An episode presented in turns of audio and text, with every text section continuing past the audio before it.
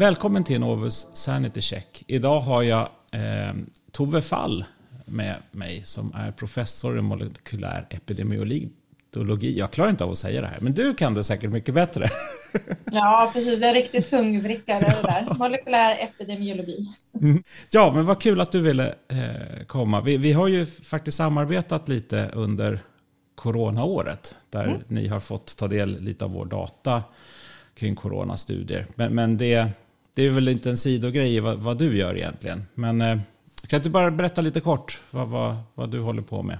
Jo, nej, men jag är ju forskare på heltid kan man säga, jag undervisar lite grann. Men eh, ja, 95 procent av mina dagar så, så forskar jag tillsammans med en ganska stor forskningsgrupp som jag leder i Uppsala.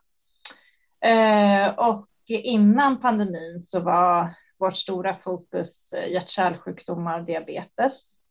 Och det vi gör då är att vi försöker använda stora observationsstudier som det kallas. Ehm, jag kan berätta mer vad det är alldeles strax för att försöka förstå bättre om orsaksmekanismer och konsekvenser av de här sjukdomarna. Och man kan säga observationsstudier, det handlar ju om att vi samlar in data och försöker förstå vad som händer. Men vi gör oftast inga, vi tar ju prover och så, men vi gör oftast inga liksom interventioner, så vi håller inte på att säga att du ska ta det här läkemedlet eller du ska ut och springa och så. Och i min grupp gör vi inte heller några djurförsök, utan vi försöker använda data på bästa sätt för att förstå omvärlden. Och det kan ju vara ganska knepigt så. Alltså man mm. måste tänka till. Man kan hitta hur mycket korrelationer som helst i samhället och det gäller för sjukdomar också.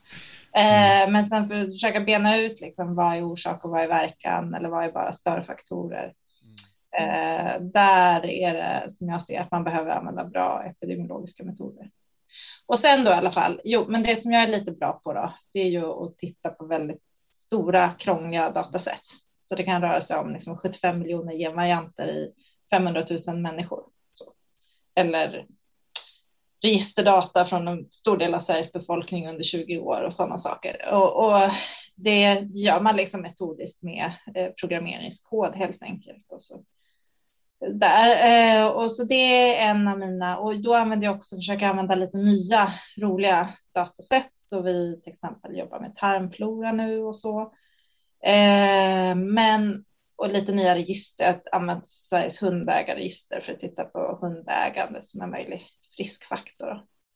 Men sen då när, när corona kom så kände jag att ehm, ja, men för att förstå pandemin så behöver vi bra data. Och de här måste samlas in snabbt och under den här krisen och det är ju jättebesvärligt för liksom, i vanliga fall kan vi planera provinsamlingar i många år. Man behöver rätt tillstånd och det ska planeras minutiöst så man samlar in data på rätt sätt och man behöver finansiering. Så, så då började jag fundera på liksom, vad kan vi göra som, som ändå kan bidra? Och då startade jag tillsammans med två professorer i Lund, Maria Gomez och Paul Franks, en, en studie som heter Covid Symptom Study, där vi via en app samlar in data varje dag från frivilliga eh, ja, personer som bor i Sverige över 18 år och det har genererat en jättestor databas som man kan titta på. För att där rapporterar man vilka symptom man har och vilka tester och vaccinationer man tar. Och det här är då en systerstudie till en mycket större studie i Storbritannien och i USA. Så att sammanlagt så är det över 4,5 miljoner deltagare. Mm. Med massor av datapunkter. så jag kände liksom att ja, men jag har inte jobbat så mycket med infektionssjukdomar tidigare och det är lite speciellt. Men där, där kände jag att jag kunde bidra. Och sen efter det då så kom, blev jag kontaktad lokalt i Uppsala att kan vi inte använda den här data i Uppsala tillsammans med andra datakällor för att liksom hitta nya klusterutbrott och ställen som behöver riktade insatser och hur ser det ut i socioekonomiskt utsatta områden och så vidare. Så att eh, då jobbar jag med det också. Mm. Ja, och du trillade, du trillade in på, på corona nästan på samma sätt som, som jag och Novus gjorde då egentligen. Man inser att okej, okay, mm. vad, kan, vad, kan, vad behövs, vad kan man bidra ja. med? Eh, ja, ja, man får väl göra något då. man säger mm. så. Eh, men det är ju jättespännande. Hur liksom har man så här forskningsberedskap? Liksom mm. Research fairness pratar man om. Hur kan vi liksom snabbt ställa om? Alltså hela samhället. Alla vill ju bidra till att lösa stora problemen vad kan vi göra som forskare? Och där ska jag säga att för mig så är det ju, var jag väldigt bra position att jag har en del finansiering som jag kan använda, eh, rikta om så att säga. Och annars så hade ju inte det gått liksom. Så att jag tänker mycket på hur bygger vi upp forskning? Ja. Släpper ja. forskarna fria på de viktiga frågorna. Ja, ja men och, absolut, och det där är ju superintressant för, för att min bild av forskningen är ju snarare att det, att det tar alltid fyra år. på något ja. sätt. Liksom. Går det fortare, då går det för fort.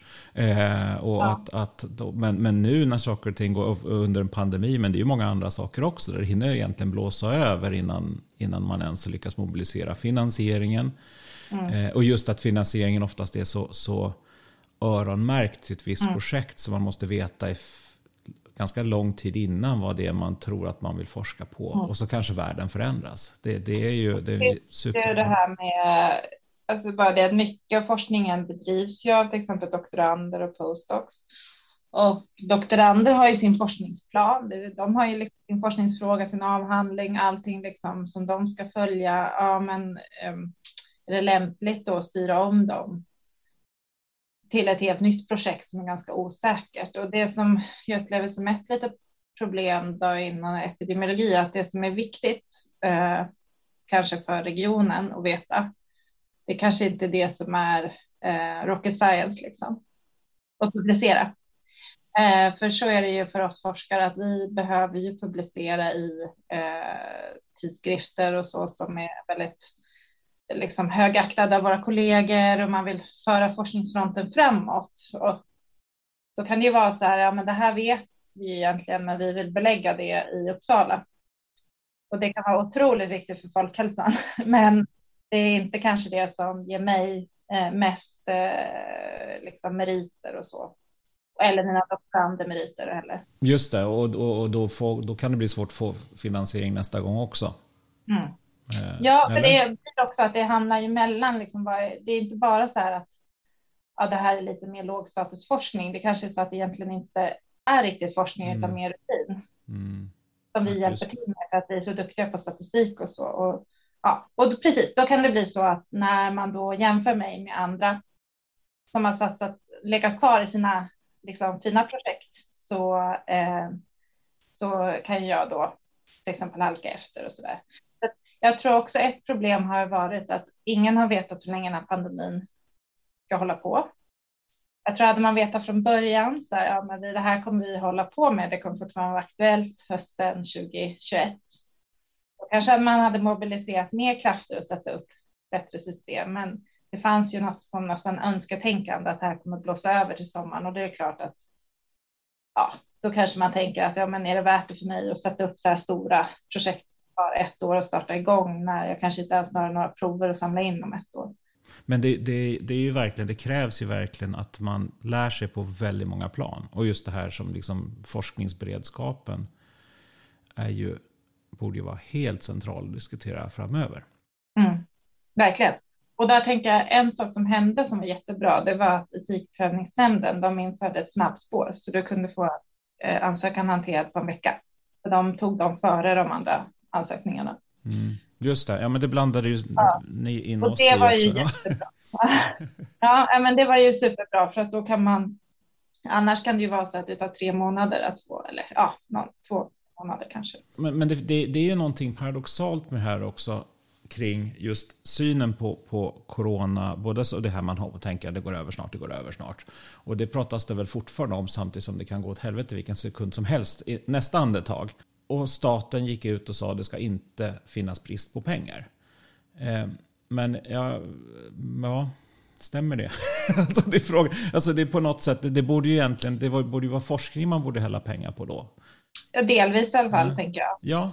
Och det är ju viktigt också, inte bara för den här pandemin, utan att vi faktiskt drar lärdom vad som hände, bara dokumentera liksom på alla nivåer. Vad hände i familjerna, i skolan, på arbetsplatserna, samhället i stort. Och för om vi inte undersöker det så kommer vi inte kunna lära oss.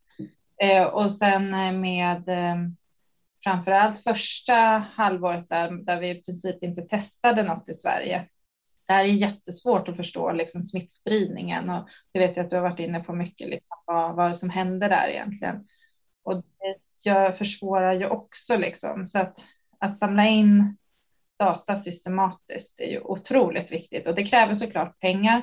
Men inte bara pengar utan det är liksom människoresurser och gott ledarskap också. Att man har ett gemensamt mål, att någon tar på sig ledartröja och liksom nu är det det här vi ska göra.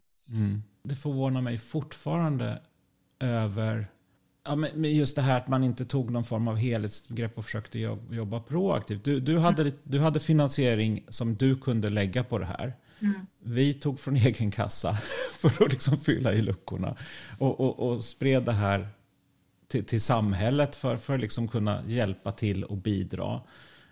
Så på något sätt gjorde man ju det offentligas jobb men, och det var väl fine, men det som chockade mig var att man egentligen inte följer folkhälsan systematiskt i Sverige. Inte på den nivån som man... Man, man, man följer vissa sjukdomar och så, men man följer inte många som är friska, om man säger så. Mm. Det, ja. det, är ju en bra poäng. De har ju de här hälsopanelen och sådär, men mm. den är inte jättestor. Och där är det ju absolut, alltså all sån här provtagning och sånt man gör som är på frivillig basis, att man liksom förväntas själv gå och testa sig när man har symptom och sådär. Eller man ringer till 1177 eh, eller någonting annat man söker på Google eller något. Det går ju över liksom på en bild av och det kan bidra information, men det blir ju alltid skevheter i det. Det tänker ni väldigt mycket på, tänker jag. Jo, jo men exakt. Slumpmässiga populationsundersökningarna, det är ju det som vi verkligen försöker jobba med hela tiden när jag tittar på hjärt-hjärtsjukdom. Jag vill ju inte ha att de som är väldigt intresserade av hjärtsjukdom kommer till mig, för då kommer jag få en skevhet. Det kommer vara de som är anhöriga som kanske insjuknat eller att de är hälsofreaks, så de kommer liksom inte vara representativa. Så, och det att få en bra representativitet är ju liksom A och O. Och då behöver man ganska stora bra paneler. Mm. Det har ju vi sett under coronastudierna nu under, under det här året, ett och ett halvt året, att det, kvinnorna har ju högre tendens att söka vård. Eh, mm. Män i mycket större omfattning. Precis de här förmo, fördomarna mm. som man pratar om. Men, men gubbarna går hemma, inklusive jag själv, och väntar på att bli friska. Medan kvinnor i större omfattning kanske. Ja. ja och så är det männen som faktiskt just med den här sjukdomen också högst risk att bli svårt mm. sjuk. Så det är ju paradoxalt där. Eh, men det, det, är intressant. Jag läste på om det där för att vi skulle skriva den här artikeln då, Covid Symptom Study, eh, lite om kvinnor och män. Och, och, kvinnor är ju benägna, om det är någon, liksom att man ska gå med i en studie som innebär liksom riskabelt ingrepp. Säg att du letar efter studenter som ska få en testoperation, liksom så.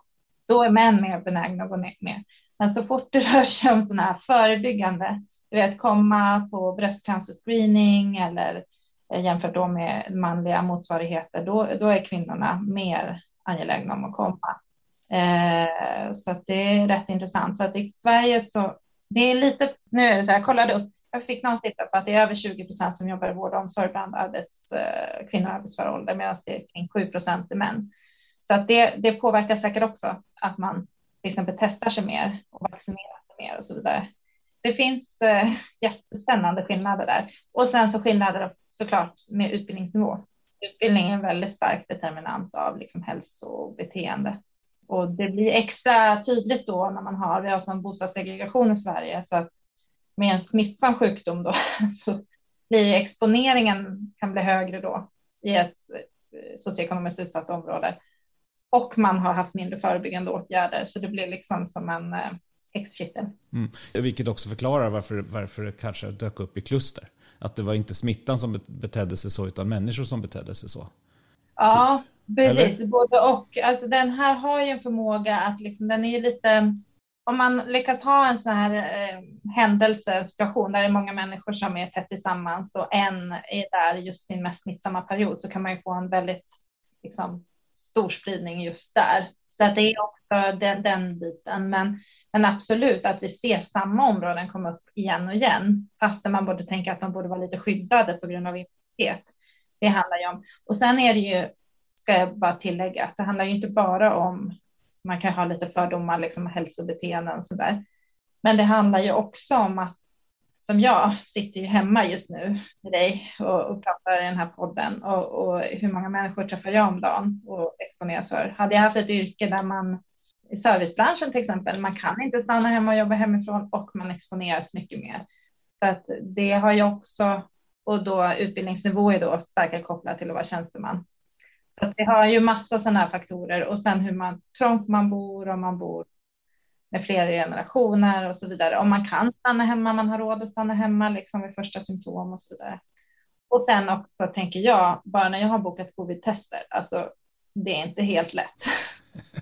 Så det man måste också ha den här digitala vanan och språket och, och lite jävla anamma liksom. Absolut, och det var väl lite det jag också var inne på. Liksom, att det, det handlar egentligen om, om våra rörelsemönster och vår, vår, liksom, vårt beteende det, det, det, är ju inte att någon är dum i huvudet. Det är verkligen inte så. Utan det, det finns en massa naturliga förklaringar kring, kring varför de här kluster, klusterna byggs upp. Det, det, var ingenting magiskt i sjukdomen. Det var lite det jag menade. Att, eh, utan det, det är hur, hur, vi beter oss som människor, hur vi rör oss och hur många människor vi träffar. Ja, och hur vårt samhälle ser ut. Så ja. vad man har för villkor. Ja, precis.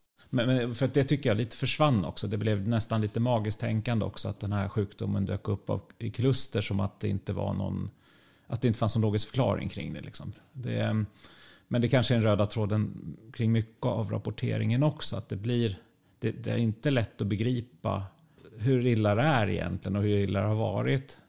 Um, nej, nej, det är jättesvårt. Ehm. Och media har en väldigt viktig roll där tycker jag och, och dokumentera och förklara och visa upp personliga berättelser som är på något sätt lite typiska och så. Och apropå, apropå media, för jag tänker ju, och, och, och, just vi pratade lite om forskningens roll i början också och då mm. kanske den här tredje uppgiften. Hade, hade forskningen, alltså nu blir det väldigt brett, liksom, men alltså om vi säger forskningen som en separat liksom, entitet, kunnat agera bättre för att skapa en ökad förståelse? Ja, men jag tänker vi kanske skulle jobbat med liksom mer med vetenskapsreportrarna och så där och förklara vad är vetenskap? Liksom. Mm. Ja, det är förändligt. Det är normalt att vi tolkar resultat olika. Man undersöker en helt ny fråga så kommer det ju komma några, några studier först som visar någonting och då kan man dra slutsatser, ganska osäkra slutsatser utifrån dem och så kommer det fler och fler och fler. När man tittar på dem även om de undersöker exakt samma sak, till exempel hur många får antikroppar eller eh, ja, vad som helst, så kommer resultaten av alla de här studierna, om varje studie ses som en observation, så kommer det, de bli som en normalfördelning. Det handlar ju liksom om slumpfaktorer och sånt. Och sen kan det också finnas systematiska skillnader mellan studieupplägg. Ja, men hur som helst, till slut när man har väldigt många sådana studier och, och de har gjorts på ett bra sätt, då kommer ju liksom forskarvärlden säga okej, okay, det här vet vi. Mm, just det. Men innan dess liksom, så finns det massa steg och där måste man ju på något sätt göra en bedömning. Så kommer det tre studier som alla visar till exempel och vaccineffekten avtar efter tre månader. Då kanske man måste agera på det. Och sen så efter månad till så kom det en mycket större studie som visade som var bättre design på som visar något annat. Och det här är liksom inte då att ja, de var fel och det här var rätt, utan det, det är så vetenskapen är och den processen tror jag det, det, blir ju extra tydligt när det är en kris. Liksom. Ja, men, ja, men verkligen. Och, och då är ju egentligen frågan, apropå, ja, okay, för att kommunikationen sker via media. Det är media som sätter vinkeln. Frågan är om man ska överlämna den till media eller om man ska försöka ta större kontroll själv i sin kommunikation. Vi hade ju ett seminarium till exempel kring långtidscovid när vi hade lite olika perspektiv från mm. både patientförening och Eh, en immunologiprofessor som är väldigt duktig och sen så två epidemiologer som vi ordnade. Det var ju jättestort intresse och där kunde också de som lyssnade kunde skriva in frågor och så. Eh, men det är klart, det tog ganska mycket kraft och tid liksom att förbereda det och det är ju något som då eh, det ligger i min min beskrivning, arbetsbeskrivning, men jag gör ju väldigt mycket sånt. Liksom jag deltar och skriver barnböcker med Sveriges Unga Akademi och är med här var. Så jag har nog egentligen fyllt upp min kvot. Så mm. det blir lite då, då jag ta den tiden från annat, något annat så att säga. Ja men precis, och det kanske också, precis som det här med, med, med, med forskningsberedskapen också, att på något sätt så blir det upp till den individuella professorn då. Att mm. okej, okay, hur ska jag förvalta min tid, min, mitt, kapit eller mitt kapital, mina, mina forskningsmedel och min, mitt team. Men, men egentligen borde det kanske snarare vara de samlade universitetens ansvar att försöka inte få ut... Så, för att jag har, jag, har, liksom, jag har tre saker jag är kritisk kring. Och det ena är då medias hantering av vissa saker, att man jagar här och nu. Politikens reaktivitet, men sen också forskningsvärldens hantering av den tredje uppgiften. För man lägger egentligen över den på media. Och kommunikatörerna fokuserar mer på att få ut så mycket som möjligt. Och, och gärna i så många pressklipp som möjligt istället för att säkerställa att det blir begripligt. Mm, och kvalitet liksom. Ja. Och, och det, då, då, bidrar man ju istället snarare till den antivetenskapliga bilden av vetenskapen. Mm. Eftersom det då blir så slaget, nya rön. Så kommer höger, vänster, upp och ner, katastrof. Ehm, där man kanske snarare borde ta hem mer av informationen. Jag tänker vi har ju också ett antal akademier i Sverige som skulle kunna liksom ordna diverse arrangemang och, och just sådana här poddar och så vidare. Universiteten har ju det i viss utsträckning, men det är klart att här när det är kris så kanske man skulle ha något slags informationsberedskap också, för det blir ju väldigt mycket media som styr agendan och de många gånger springer de alla på samma boll. Det kommer, det kommer jättemycket ny forskning hela tiden och sen så är det någon som uppmärksammar en artikel. Då vill alla hoppa på den liksom, för då är det. Och, ja, så det är ganska intressant. Det, det har jag sett också. Man följer sina forskningsartiklar kan man följa via sådana här verktyg som heter Altmetric som är hur mycket uppmärksamhet de får utanför eh, forskningsvärlden. Och då kan man se just att vissa av mina artiklar plötsligt så har de flera tusen träffar i typ Korea eller Japan. För då har de liksom, det blivit något eh, liksom, intresse kring just den artikeln just där. Eh, och det säger något att det kanske inte var något som var en världsnyhet.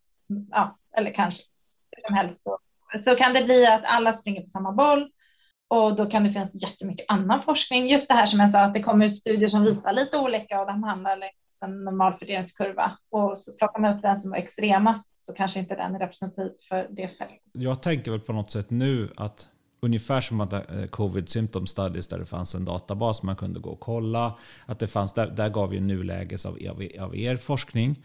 Ehm, Folkhälsomyndigheten hade ju sitt, sin nulägesbild, men den är ju utifrån en myndighetsperspektiv som ju faktiskt är kopplat snarare till det, det är ju en del av en påverkansaktion om man säger så, som ska baseras på, i och med att det, det är viktigt, ja, men så här ska vi bete oss just nu. Det här är liksom landets strategi för att hantera sjukdomen. Det, där vill man ju inte ge en helhetsbild. Man, man, syftet är ju inte att förklara utan tala om så här ska ni göra.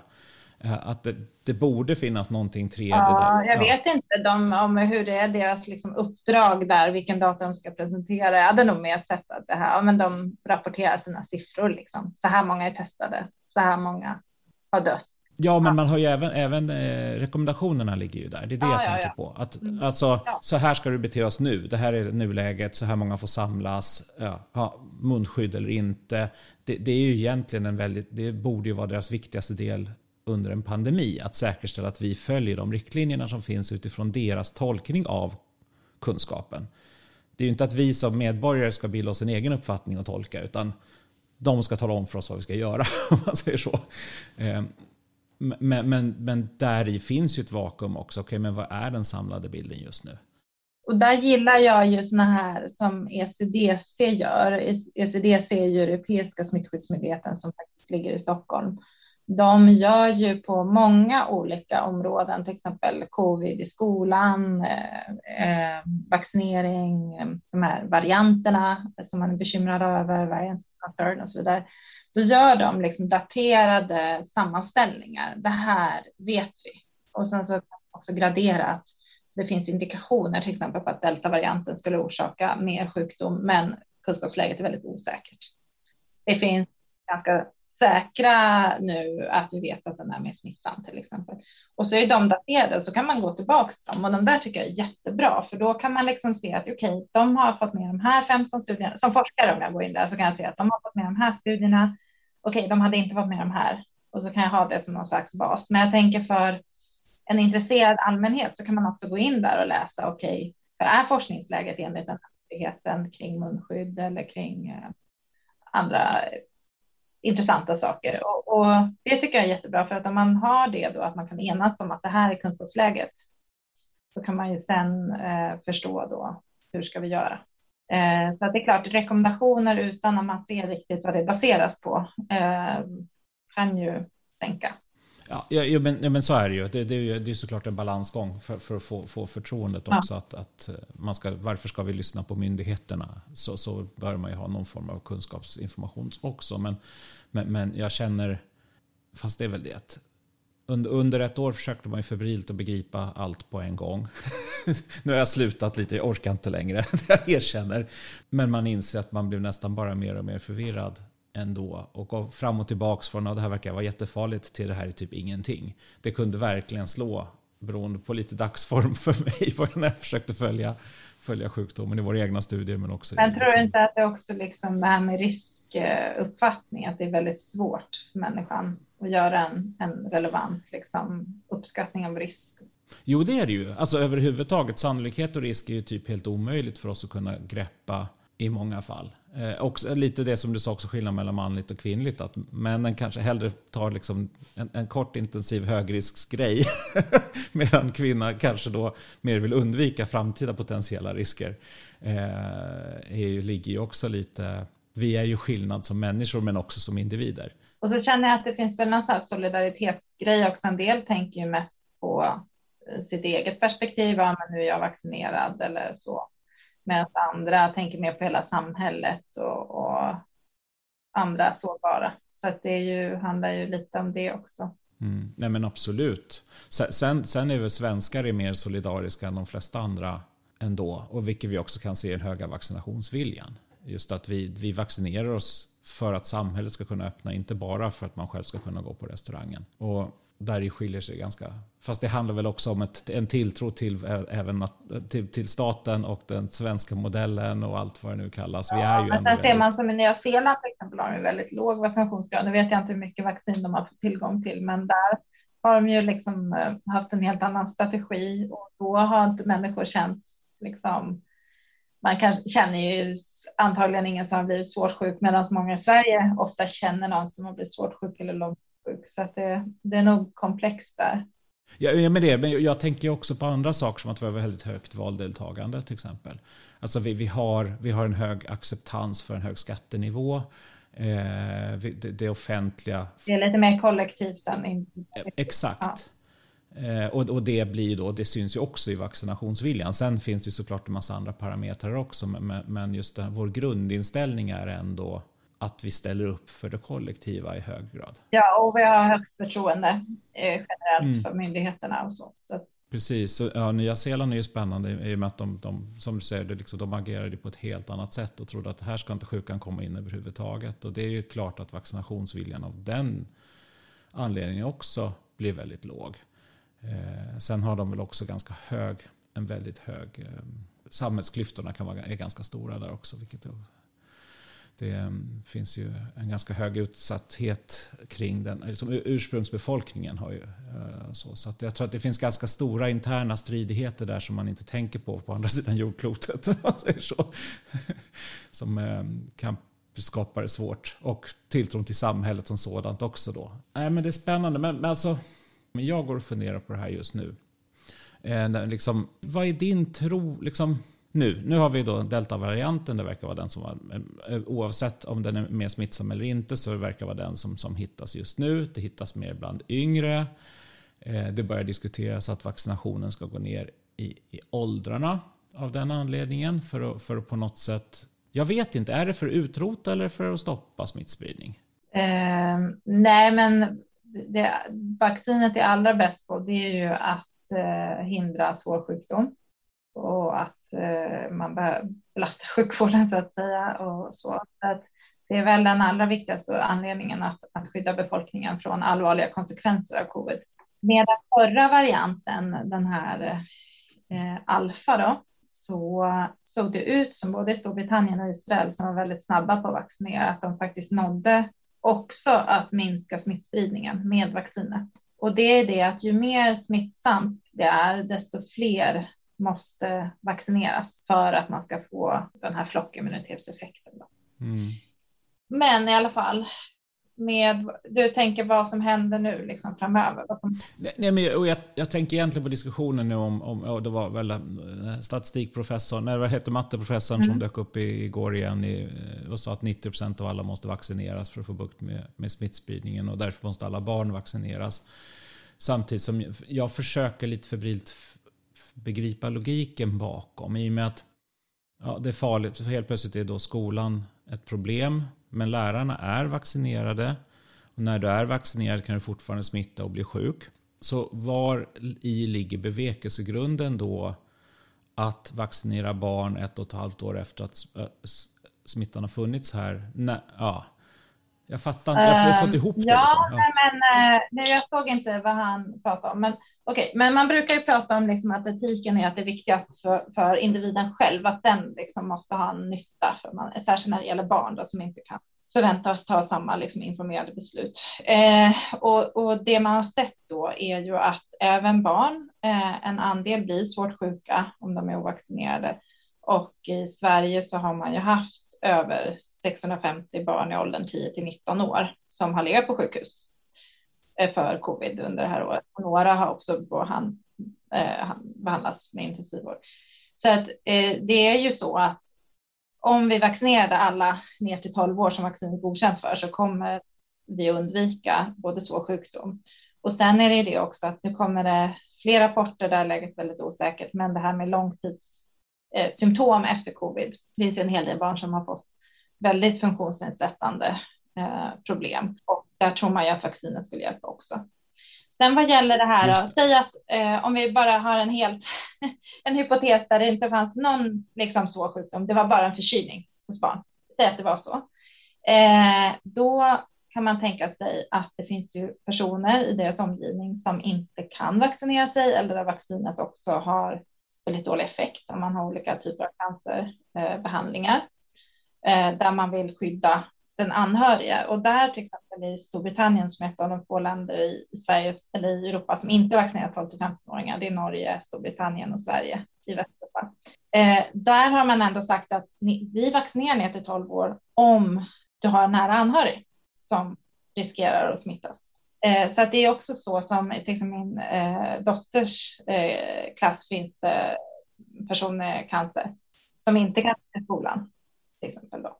Eh, så att det är också det och det finns lärare då som de flesta alltså, har ju väldigt, väldigt gott skydd mot svår sjukdom. Men det kan ju finnas lärare del som har en, en sjukdom som gör att de inte kan ta och sen så kan det också finnas genombrottsinfektioner där man faktiskt blir svårt sjuk. Så att så att det är ju det att de är inte isolerade de här barnen, utan många bor i en familj där det finns känsliga.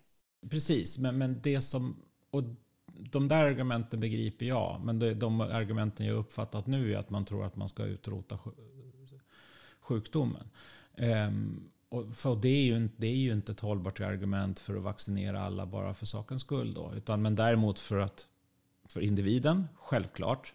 För anhöriga, självklart.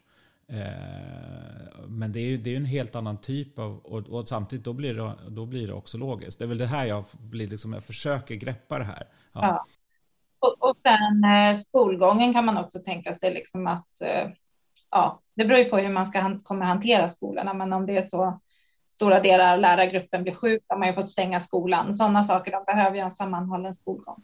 Eh, mm. Men det var någonting jag tänkte på där. Jo, en sak som man pratar kring Eh, och det kanske inte är ett hållbart argument just nu när hela stora delar av världen inte ens får tillgång till vaccin för ja, stora delar av befolkningen. Det är ju det här att ju mer smitta vi har, desto fler otäcka varianter eh, kan dyka upp.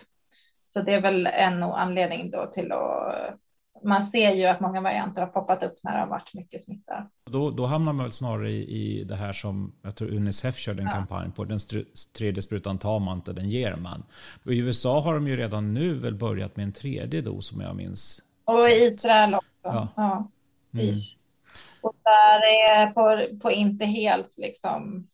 Det, det är väl ja, nej, men det, den vetenskapliga grunden där är fortfarande lite lös om man säger så. För det är faktiskt jättesvårt att studera vaccineffekt först gör man en klinisk prövning där man randomiserar och där är det ju då, det finns standardprogram för att göra det. Men sen att titta i befolkningen hur väl det funkar, det är, då kommer man in just på de observationsstudierna som jag håller på med och där finns oerhört mycket sådana här fel eh, man kan göra för att de som springer och vaccinerar sig först tredje gången, de kanske inte är precis samma personer som har utsatts för mest smitta och sånt. Så det, Mm. Det är ganska svårt att få kontrollerade kontrollgrupper när det är fritt och öppet och det är en frivillighet att anmäla sig. Då, då faller det ju fort. Ja, och sen kan det vara så att man haft ett jättestort utbrott i en stad där man hade ganska mycket vaccinerade eller många ovaccinerade.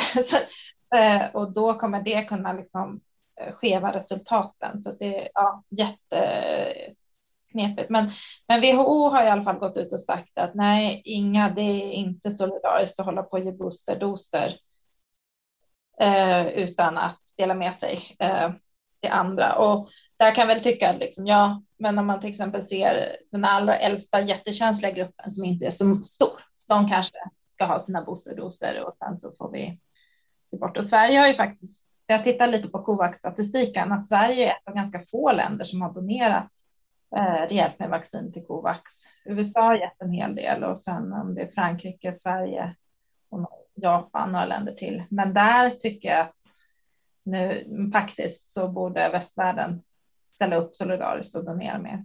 Ja, om inte annat för hjälp till självhjälp i framtiden ju. Ja. Om man nu ska, ja. vill, vill ha en egoistisk anledning också. Då. Ja, typ. Sen finns det ju andra länder som liksom kommer och säljer lite billigare vaccin och får politiska fördelar också.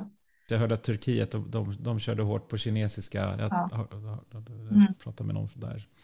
Eh, det... Och sen är det ju som jag såg att Iran verkar tacka nej till vaccin från vissa länder och så där. Så det finns ju mycket politik i det här. Just det, precis. Och de drabbades ju väldigt hårt i början minns man ju också. Ja. I alla fall lät det så. Eh, nyhetsrapportering. Ja, de har en jättestor eh, våg nu också och det, det är jag har sett lite bilder. Det eh, verkar vara väldigt, väldigt ansträngt. Ja, så att det är inte över, det kan man väl säga. Nej, precis. Jag har en bekant som har covid nu och han har vaccinerat sig två gånger. Så det, det, man ska inte heller tro att man är immun efter Nej. till 100 procent. Sen är han, jag vet inte hur dålig han är, han var helt okej i fredags men han hade konstaterat. Så att det, ja, det, man ska inte bara tro att man är osårbar heller. Nej, precis. Och det är också en intressant sak om de vaccinstudierna, att om alla som är vaccinerade tror att de är osårbara så kan det, och ja, ovaccinerade inte tror det så kan det i sig då påverka. Ja. Och då är det svårt att veta om den biologiska effekten av vaccinet sjunker eller Ja, ja. men exakt. Så det är jätteknepigt. Men, men vi är ju liksom, det är många jätteduktiga forskare som tänker på de här sakerna och försöker komma fram till ja, de mest liksom trovärdiga slutsatserna eller ja, underbyggda. Ja, ja men, nej, men så är det ju. Utmaningen är väl snarare för oss, oss stackars vanliga medborgare som inte kan läsa forskningsrapporter så, så bra och, och hålla greppet. Liksom. Ja, men det som är spännande med epidemiologi är att det är ju väldigt mycket folkvett i det ändå. Så, här. Alltså, så att jag kan jag har fått jättebra frågor från eh, när jag till exempel gjort de här hundägarstudierna. Så jag tittar på hela Sveriges hundägande befolkning, icke hundägande befolkning. Så jag jämfört dem med olika utfall och då kan jag få från liksom, ja, men, eh, folk som är intresserade av min forskning, journalister. Ja, men alltså de som skaffar hund, är de inte lite annorlunda från början? Alltså, och så här. Och det är ju det att vi, ja, man, många förstår ju saker väldigt väl och det går att förklara. Sen så försöker vi uttrycka med siffror och formler de här sakerna. Ja, ja eh, men det, det är intressant och det är, det är ju som, ungefär som det som jag jobbar med också. Att det, det, jag inser att oftast så, så under vissa perioder tänker jag att det enda jag säger är det, det, det är det helt uppenbara med siffror på det. Eh, just för att det är, oftast kan man räkna ut det med sunt förnuft. Men man vet ju inte hur stor andelen är. Det är ju, liksom, det är ju viktigt. Men, men, eh, och ibland blir man förvånad, det, tänker jag. Ibland absolut. blir man också överraskad över någonting. Mm. Ja. ja, men det blir det. Och ibland har det ju fel hypoteser såklart. Vår, vår, det är ju inte forskning, men det är ju, det är ju forskningsliknande och det är väldigt korta perioder. Man börjar också med en hypotes här också för att testa. Eh, men, men det, det, är ändå fascinerande, som du säger, över hur mycket som ändå är folkvett och liksom beteende och egentligen gå tillbaks till ja, men hur beter sig folk i grupp? Hur, ja, hur, hur får man sina influenser kring olika frågor och så. Så att det är ju mer en, en uppbyggd förståelse för mänskliga beteendet än, än sifferstirrande. Ja. ja. Eh, men, men, det, men det är ju det som är så spännande också. Mm. Men jag tänker på det där du sa verkligen med forskningskommunikation. Det har jag tänkt på på några olika saker. Men de här, jag har ju varit med mycket i Aktuellt och TV4 och då är det ofta mellan fyra till åtta minuter. Och så vill de hinna med så här, doff, doff, doff, kanske sex, sju frågor. Och då måste jag liksom svara på någonting som jag skulle hålla en föreläsning om i 40 minuter. Det måste jag mm. svara på i två meningar. Och jag är ganska bra på att förenkla saker och liksom, men, men det är, man kommer ju till en gräns där man måste bara, mm.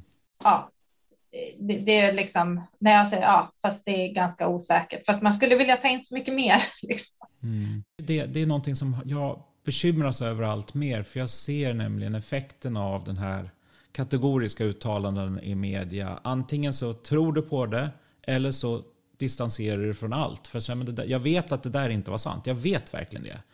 Så då, då kanske allt annat också är en lögn.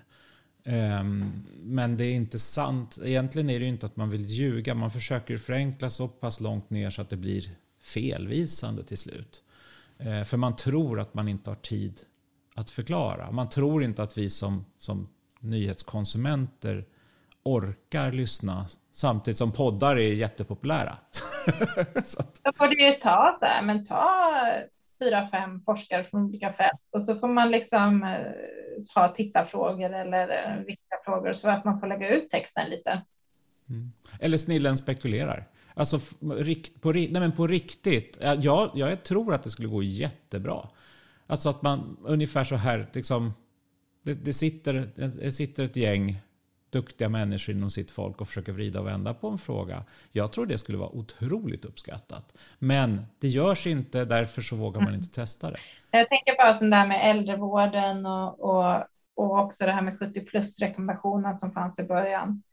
Det är ju frågor som liksom inbegriper många olika fält. Och jag tänker för att diskutera en sån fråga bra så behöver man folk som har kunskap inom etik och inom äldreforskning och inom smittskydd och så vidare. Och det skulle kunna vara en jätteintressant liksom, bara program på en timme och prata om är det rätt att försöka liksom, isolera en grupp från smitta? Liksom på bekostnad av då vissa negativa konsekvenser. Mm. Precis, och det är två, två grupper som inte får vara med i samtalet. Det är ledarskribenter och politiker. ja, men en annan sak som jag tycker är jätte, jätte, jättesvårt, som jag brottas med varje vecka när de vill ha med mig i tv, det är så här att först kanske de frågar, ja, är deltavarianten mer smittsam? Och då, det är bara, yes, det här kan jag svara på. Det är 18 studier, de det här, det här, det här, och liksom. Ja. Det är ju mitt jobb, liksom, att värdera olika studier och förstå. Och sen säger de, ja men vad ska vi göra åt det här? och det är ju plötsligt, då har vi gått från liksom riskvärdering till riskhantering. Och riskvärdering, det är ju liksom ren vetenskap. Så. Eh, och det kan vara svårt, men det känner jag mig, liksom, det är mig, verkligen, då har ni frågat rätt person. Till riskhantering, där kommer det in alla andra grejer, prioritering, värderingar, politik, etik, resursfrågor. Vad ska vi göra? Vad ska man göra här? Vad ska man göra i ett land som inte har så stora resurser och kanske inte har en äldre befolkning? Och, så och, och det, journalisterna gör ju ingen som helst liksom, uppdelning där. Och det kan jag också tycka att, att där kommer ju eh, regeringen in och politikerna, för det blir ju politik där och säga eh, till exempel ska man ha vaccinpass eller inte. Um, det är ju inte bara en vetenskaplig fråga. Så det där är ju någonting som John Crosney på Stanford har gjort lite studier kring, kring tillförlitlighet, tro, alltså om man litar på forskare eller inte. Mm. Och en forskare som inte har, alltså som betalar om sitt kunskapsläge, där finns förtroenden väldigt hög. Men så fort det kommer in en åsikt, lösning, ideologi in, då sjunker förtroendet för forskningen väldigt, väldigt fort. Men, och här är ju faran att man åker in i en ideologisk fråga för att du, du delvis behöver du svara på en fråga, men då kanske du åker rakt in i en politisk diskussion som du inte ska vara i som, som en, en, en oberoende forskare. Så att, så att det, och det riskerar ju att dra med hela tilltron till, till all forskning också. Men då har ju problemet blivit vem ska svara på den frågan? Mm. Mm, för att då när politiker försöker svara på den frågan, då blir de kallade hobbyepidemiologer, eller hur? Ja, precis. Det har du rätt i. Så att vem har då, vem är det som får prata om de frågorna? Det är Aha. jättesvårt, men jag, jag försöker lösa det genom att säga att, att, eh, att det här är en politisk fråga, säger jag. Eh, till exempel kring vaccinpass. Smittskyddsmässigt, absolut. Eh, det finns liksom stark eh, ja, underlag för att göra det.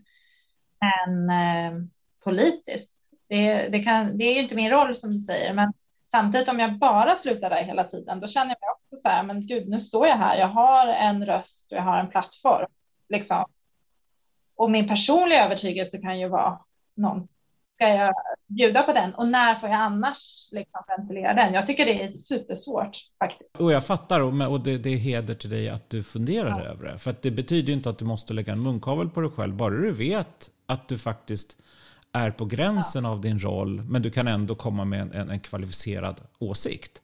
Eh, men det finns ju andra som, som som kanske inte ens reflekterar över utan börjar svara på långt ut från sitt forskningsfält och inte ens tänker på att man, är, att man helt plötsligt är en opinionsbildare. Precis.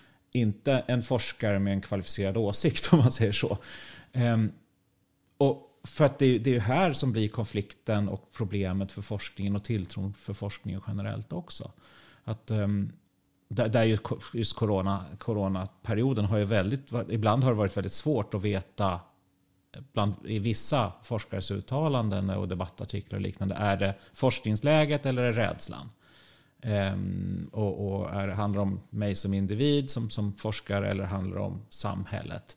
Ehm, för att även forskare kan vara rädda, även läkare kan vara rädda. Det är helt naturligt. Det är, jag är rädd också. Alltså, vilket, men det gäller att hålla isär och förstå sin roll i alla fall. Men där, vad tycker du om att forskare skriver debattartiklar? Då är det i alla fall faktiskt tydligt att det här är opinion. Liksom. Ja, men, men förtroendet sjunker ganska mm. fort. För forsk och det riskerar ju att det slår på hela mm. forskningen. Mm. Inte bara för individen, för individen har man aldrig hört talas om. Det man ser är att en forskningstitel. Ja, precis. Ja. Eh, så, och det, det, är jättetydligt i amerikanska studierna som Stanford har gjort att, att då sjunker tilltron till kunskapsläget också. Han har mest gjort det här kring klimatfrågan där vi, jag jobbar med honom en del. Men, men det, det här är applicerbart på all, alla forskningsområden. Eh, så att man måste ju förstå det. Man måste förstå att allt man säger, men det, du förstår det så det här är inte att, att tala om för dig. Ja, men jag bara tycker det är jättespännande mm. för att det som jag känner jag, jag har till exempel skrivit en artikel så här, ja ah, men det här vet vi om smittspårning, liksom vad, vad som behövs för att den ska vara effektiv. Så här är läget i Sverige just nu. Det här är våra förslag till liksom förbättring. Så. Och då har ju vi rört oss över liksom någon gräns där. Men så tänker jag så här, om inte jag gör det, vem ska skriva den där debattartikeln? För det är inte troligt att någon från någon region skriver den, tänker jag. Mm politiker som skulle skriva den där, skulle de ha en, liksom, de skulle inte ha en trovärdighet i det. Liksom, så. Och, och det, det är samhälls liksom, fråga. Ja. Ja men exakt, och, och, du forskar för att du vill hjälpa ja. till. Du forskar för att du vill sprida och få en bättre samhällsutveckling. Mm. Och, nej men jag, jag, och det är verkligen inte nej. lätt. Det är ju det och problemet nu är väl just det som som vi pratar om, att det faktiskt finns ett vakuum här mm. utanför. Mm. Och man placeras lite onödigt mycket in i den rollen där man inte är. Jag, jag får näst, ofta frågan om hur kommer det gå i framtiden? Ja, men jag är inte Saida. Jag vet, inte. jag vet hur det är idag. Jag vet hur det var igår. Men det kan bli en jordbävning imorgon. Alltså, det kan, nej, kanske inte en jordbävning. Men... Så måste man ha någon slags risk. Eh, det är ju viktigt att vi liksom är så här, ja, eh, vi vill ju ändå ha ett försvar och vi vill ha ett skydd och så för att det finns liksom risker som kan vara mindre eller större, men om de har allvarliga konsekvenser så vill vi ändå ha en beredskap. Mm. Men om man tar så politisk utveckling, ja. Ja, okay. kommer, kommer Vänsterpartiet fortsätta växa? Ja, det beror på väldigt ja, mycket. Det är väldigt komplext. Det är, liksom, det, det är helt omöjligt att svara på. Det, det, vet ingen. Men det är som hur börsen kommer gå. Om man visste det skulle man vara ganska rik. ja men exakt, men, men, samtidigt sätts man hela tiden i den rollen och även statsvetenskapen. Eh, det finns alltid en statsvetare som med gladligen svarar på den frågan. Eh, vilket ju inte är bra för, för vetenskapsdelen. Men, så att det här är ju mycket längre ut. Alltså för jag, jag, jag, tror att du, eftersom du funderar på de här frågorna, kommer du också försöka balansera och veta att du... Ja, ja. och sen åtminstone kan man ju markera liksom att ja, mm. det här är vad vi vet personligen, så är det här min åsikt att man försöker lägga det, att det här är min liksom. Men exakt, och det viktigaste här är att man inte ser ut som en aktivist. Nej. För, för, att, för att det, det är det som, som också var en slutsats i, i den forskningen. Mm. Att, att, om, om, framförallt om du ser ut som en miljöaktivist och då väljer du selektivt vilken forskning du vill presentera. Precis, det blir den här cherry picking. Ja. Exakt, och det är ju det som Åsa Wickfors som jag hade med i podden för några veckor sedan pratade om den här falska forskningen. Eller liksom, där man också är helt, fast forskningen är korrekt men slutsatsen är utifrån valda delar av forskningen så att det blir en alternativ forskningsutveckling.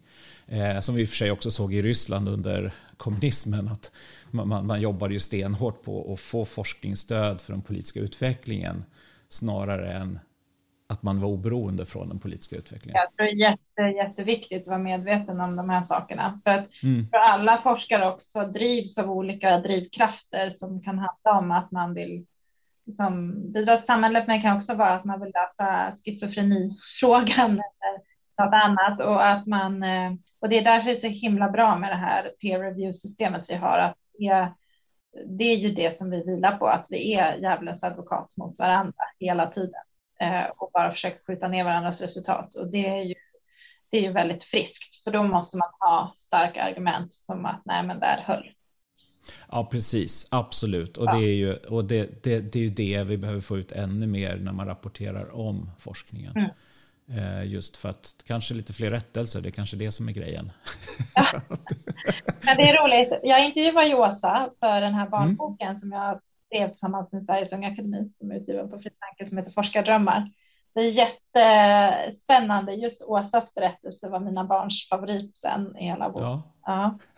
ja, men, jo, men det och, och filosofin ja. kommer ju in också. Vad är normalt och vad är fejkade nyheter och ja. sant och falskt och finns det något som är sant och så där. Nej, men det, och det, kän, det känns som att vi, vi, hade, vi, vi får nog ta ett, ett, ett, ett omtag lite längre fram känner jag. För att nu tror jag ingen orkar lyssna längre på oss. det tror inte jag heller. Ja. Men, tack så jättemycket för att du tog dig tid. Det här var väldigt intressant. Ja, men samma. Det väcker tankar hos mig också. Vi, vi får höra snart igen helt enkelt. Ja. Det gör vi.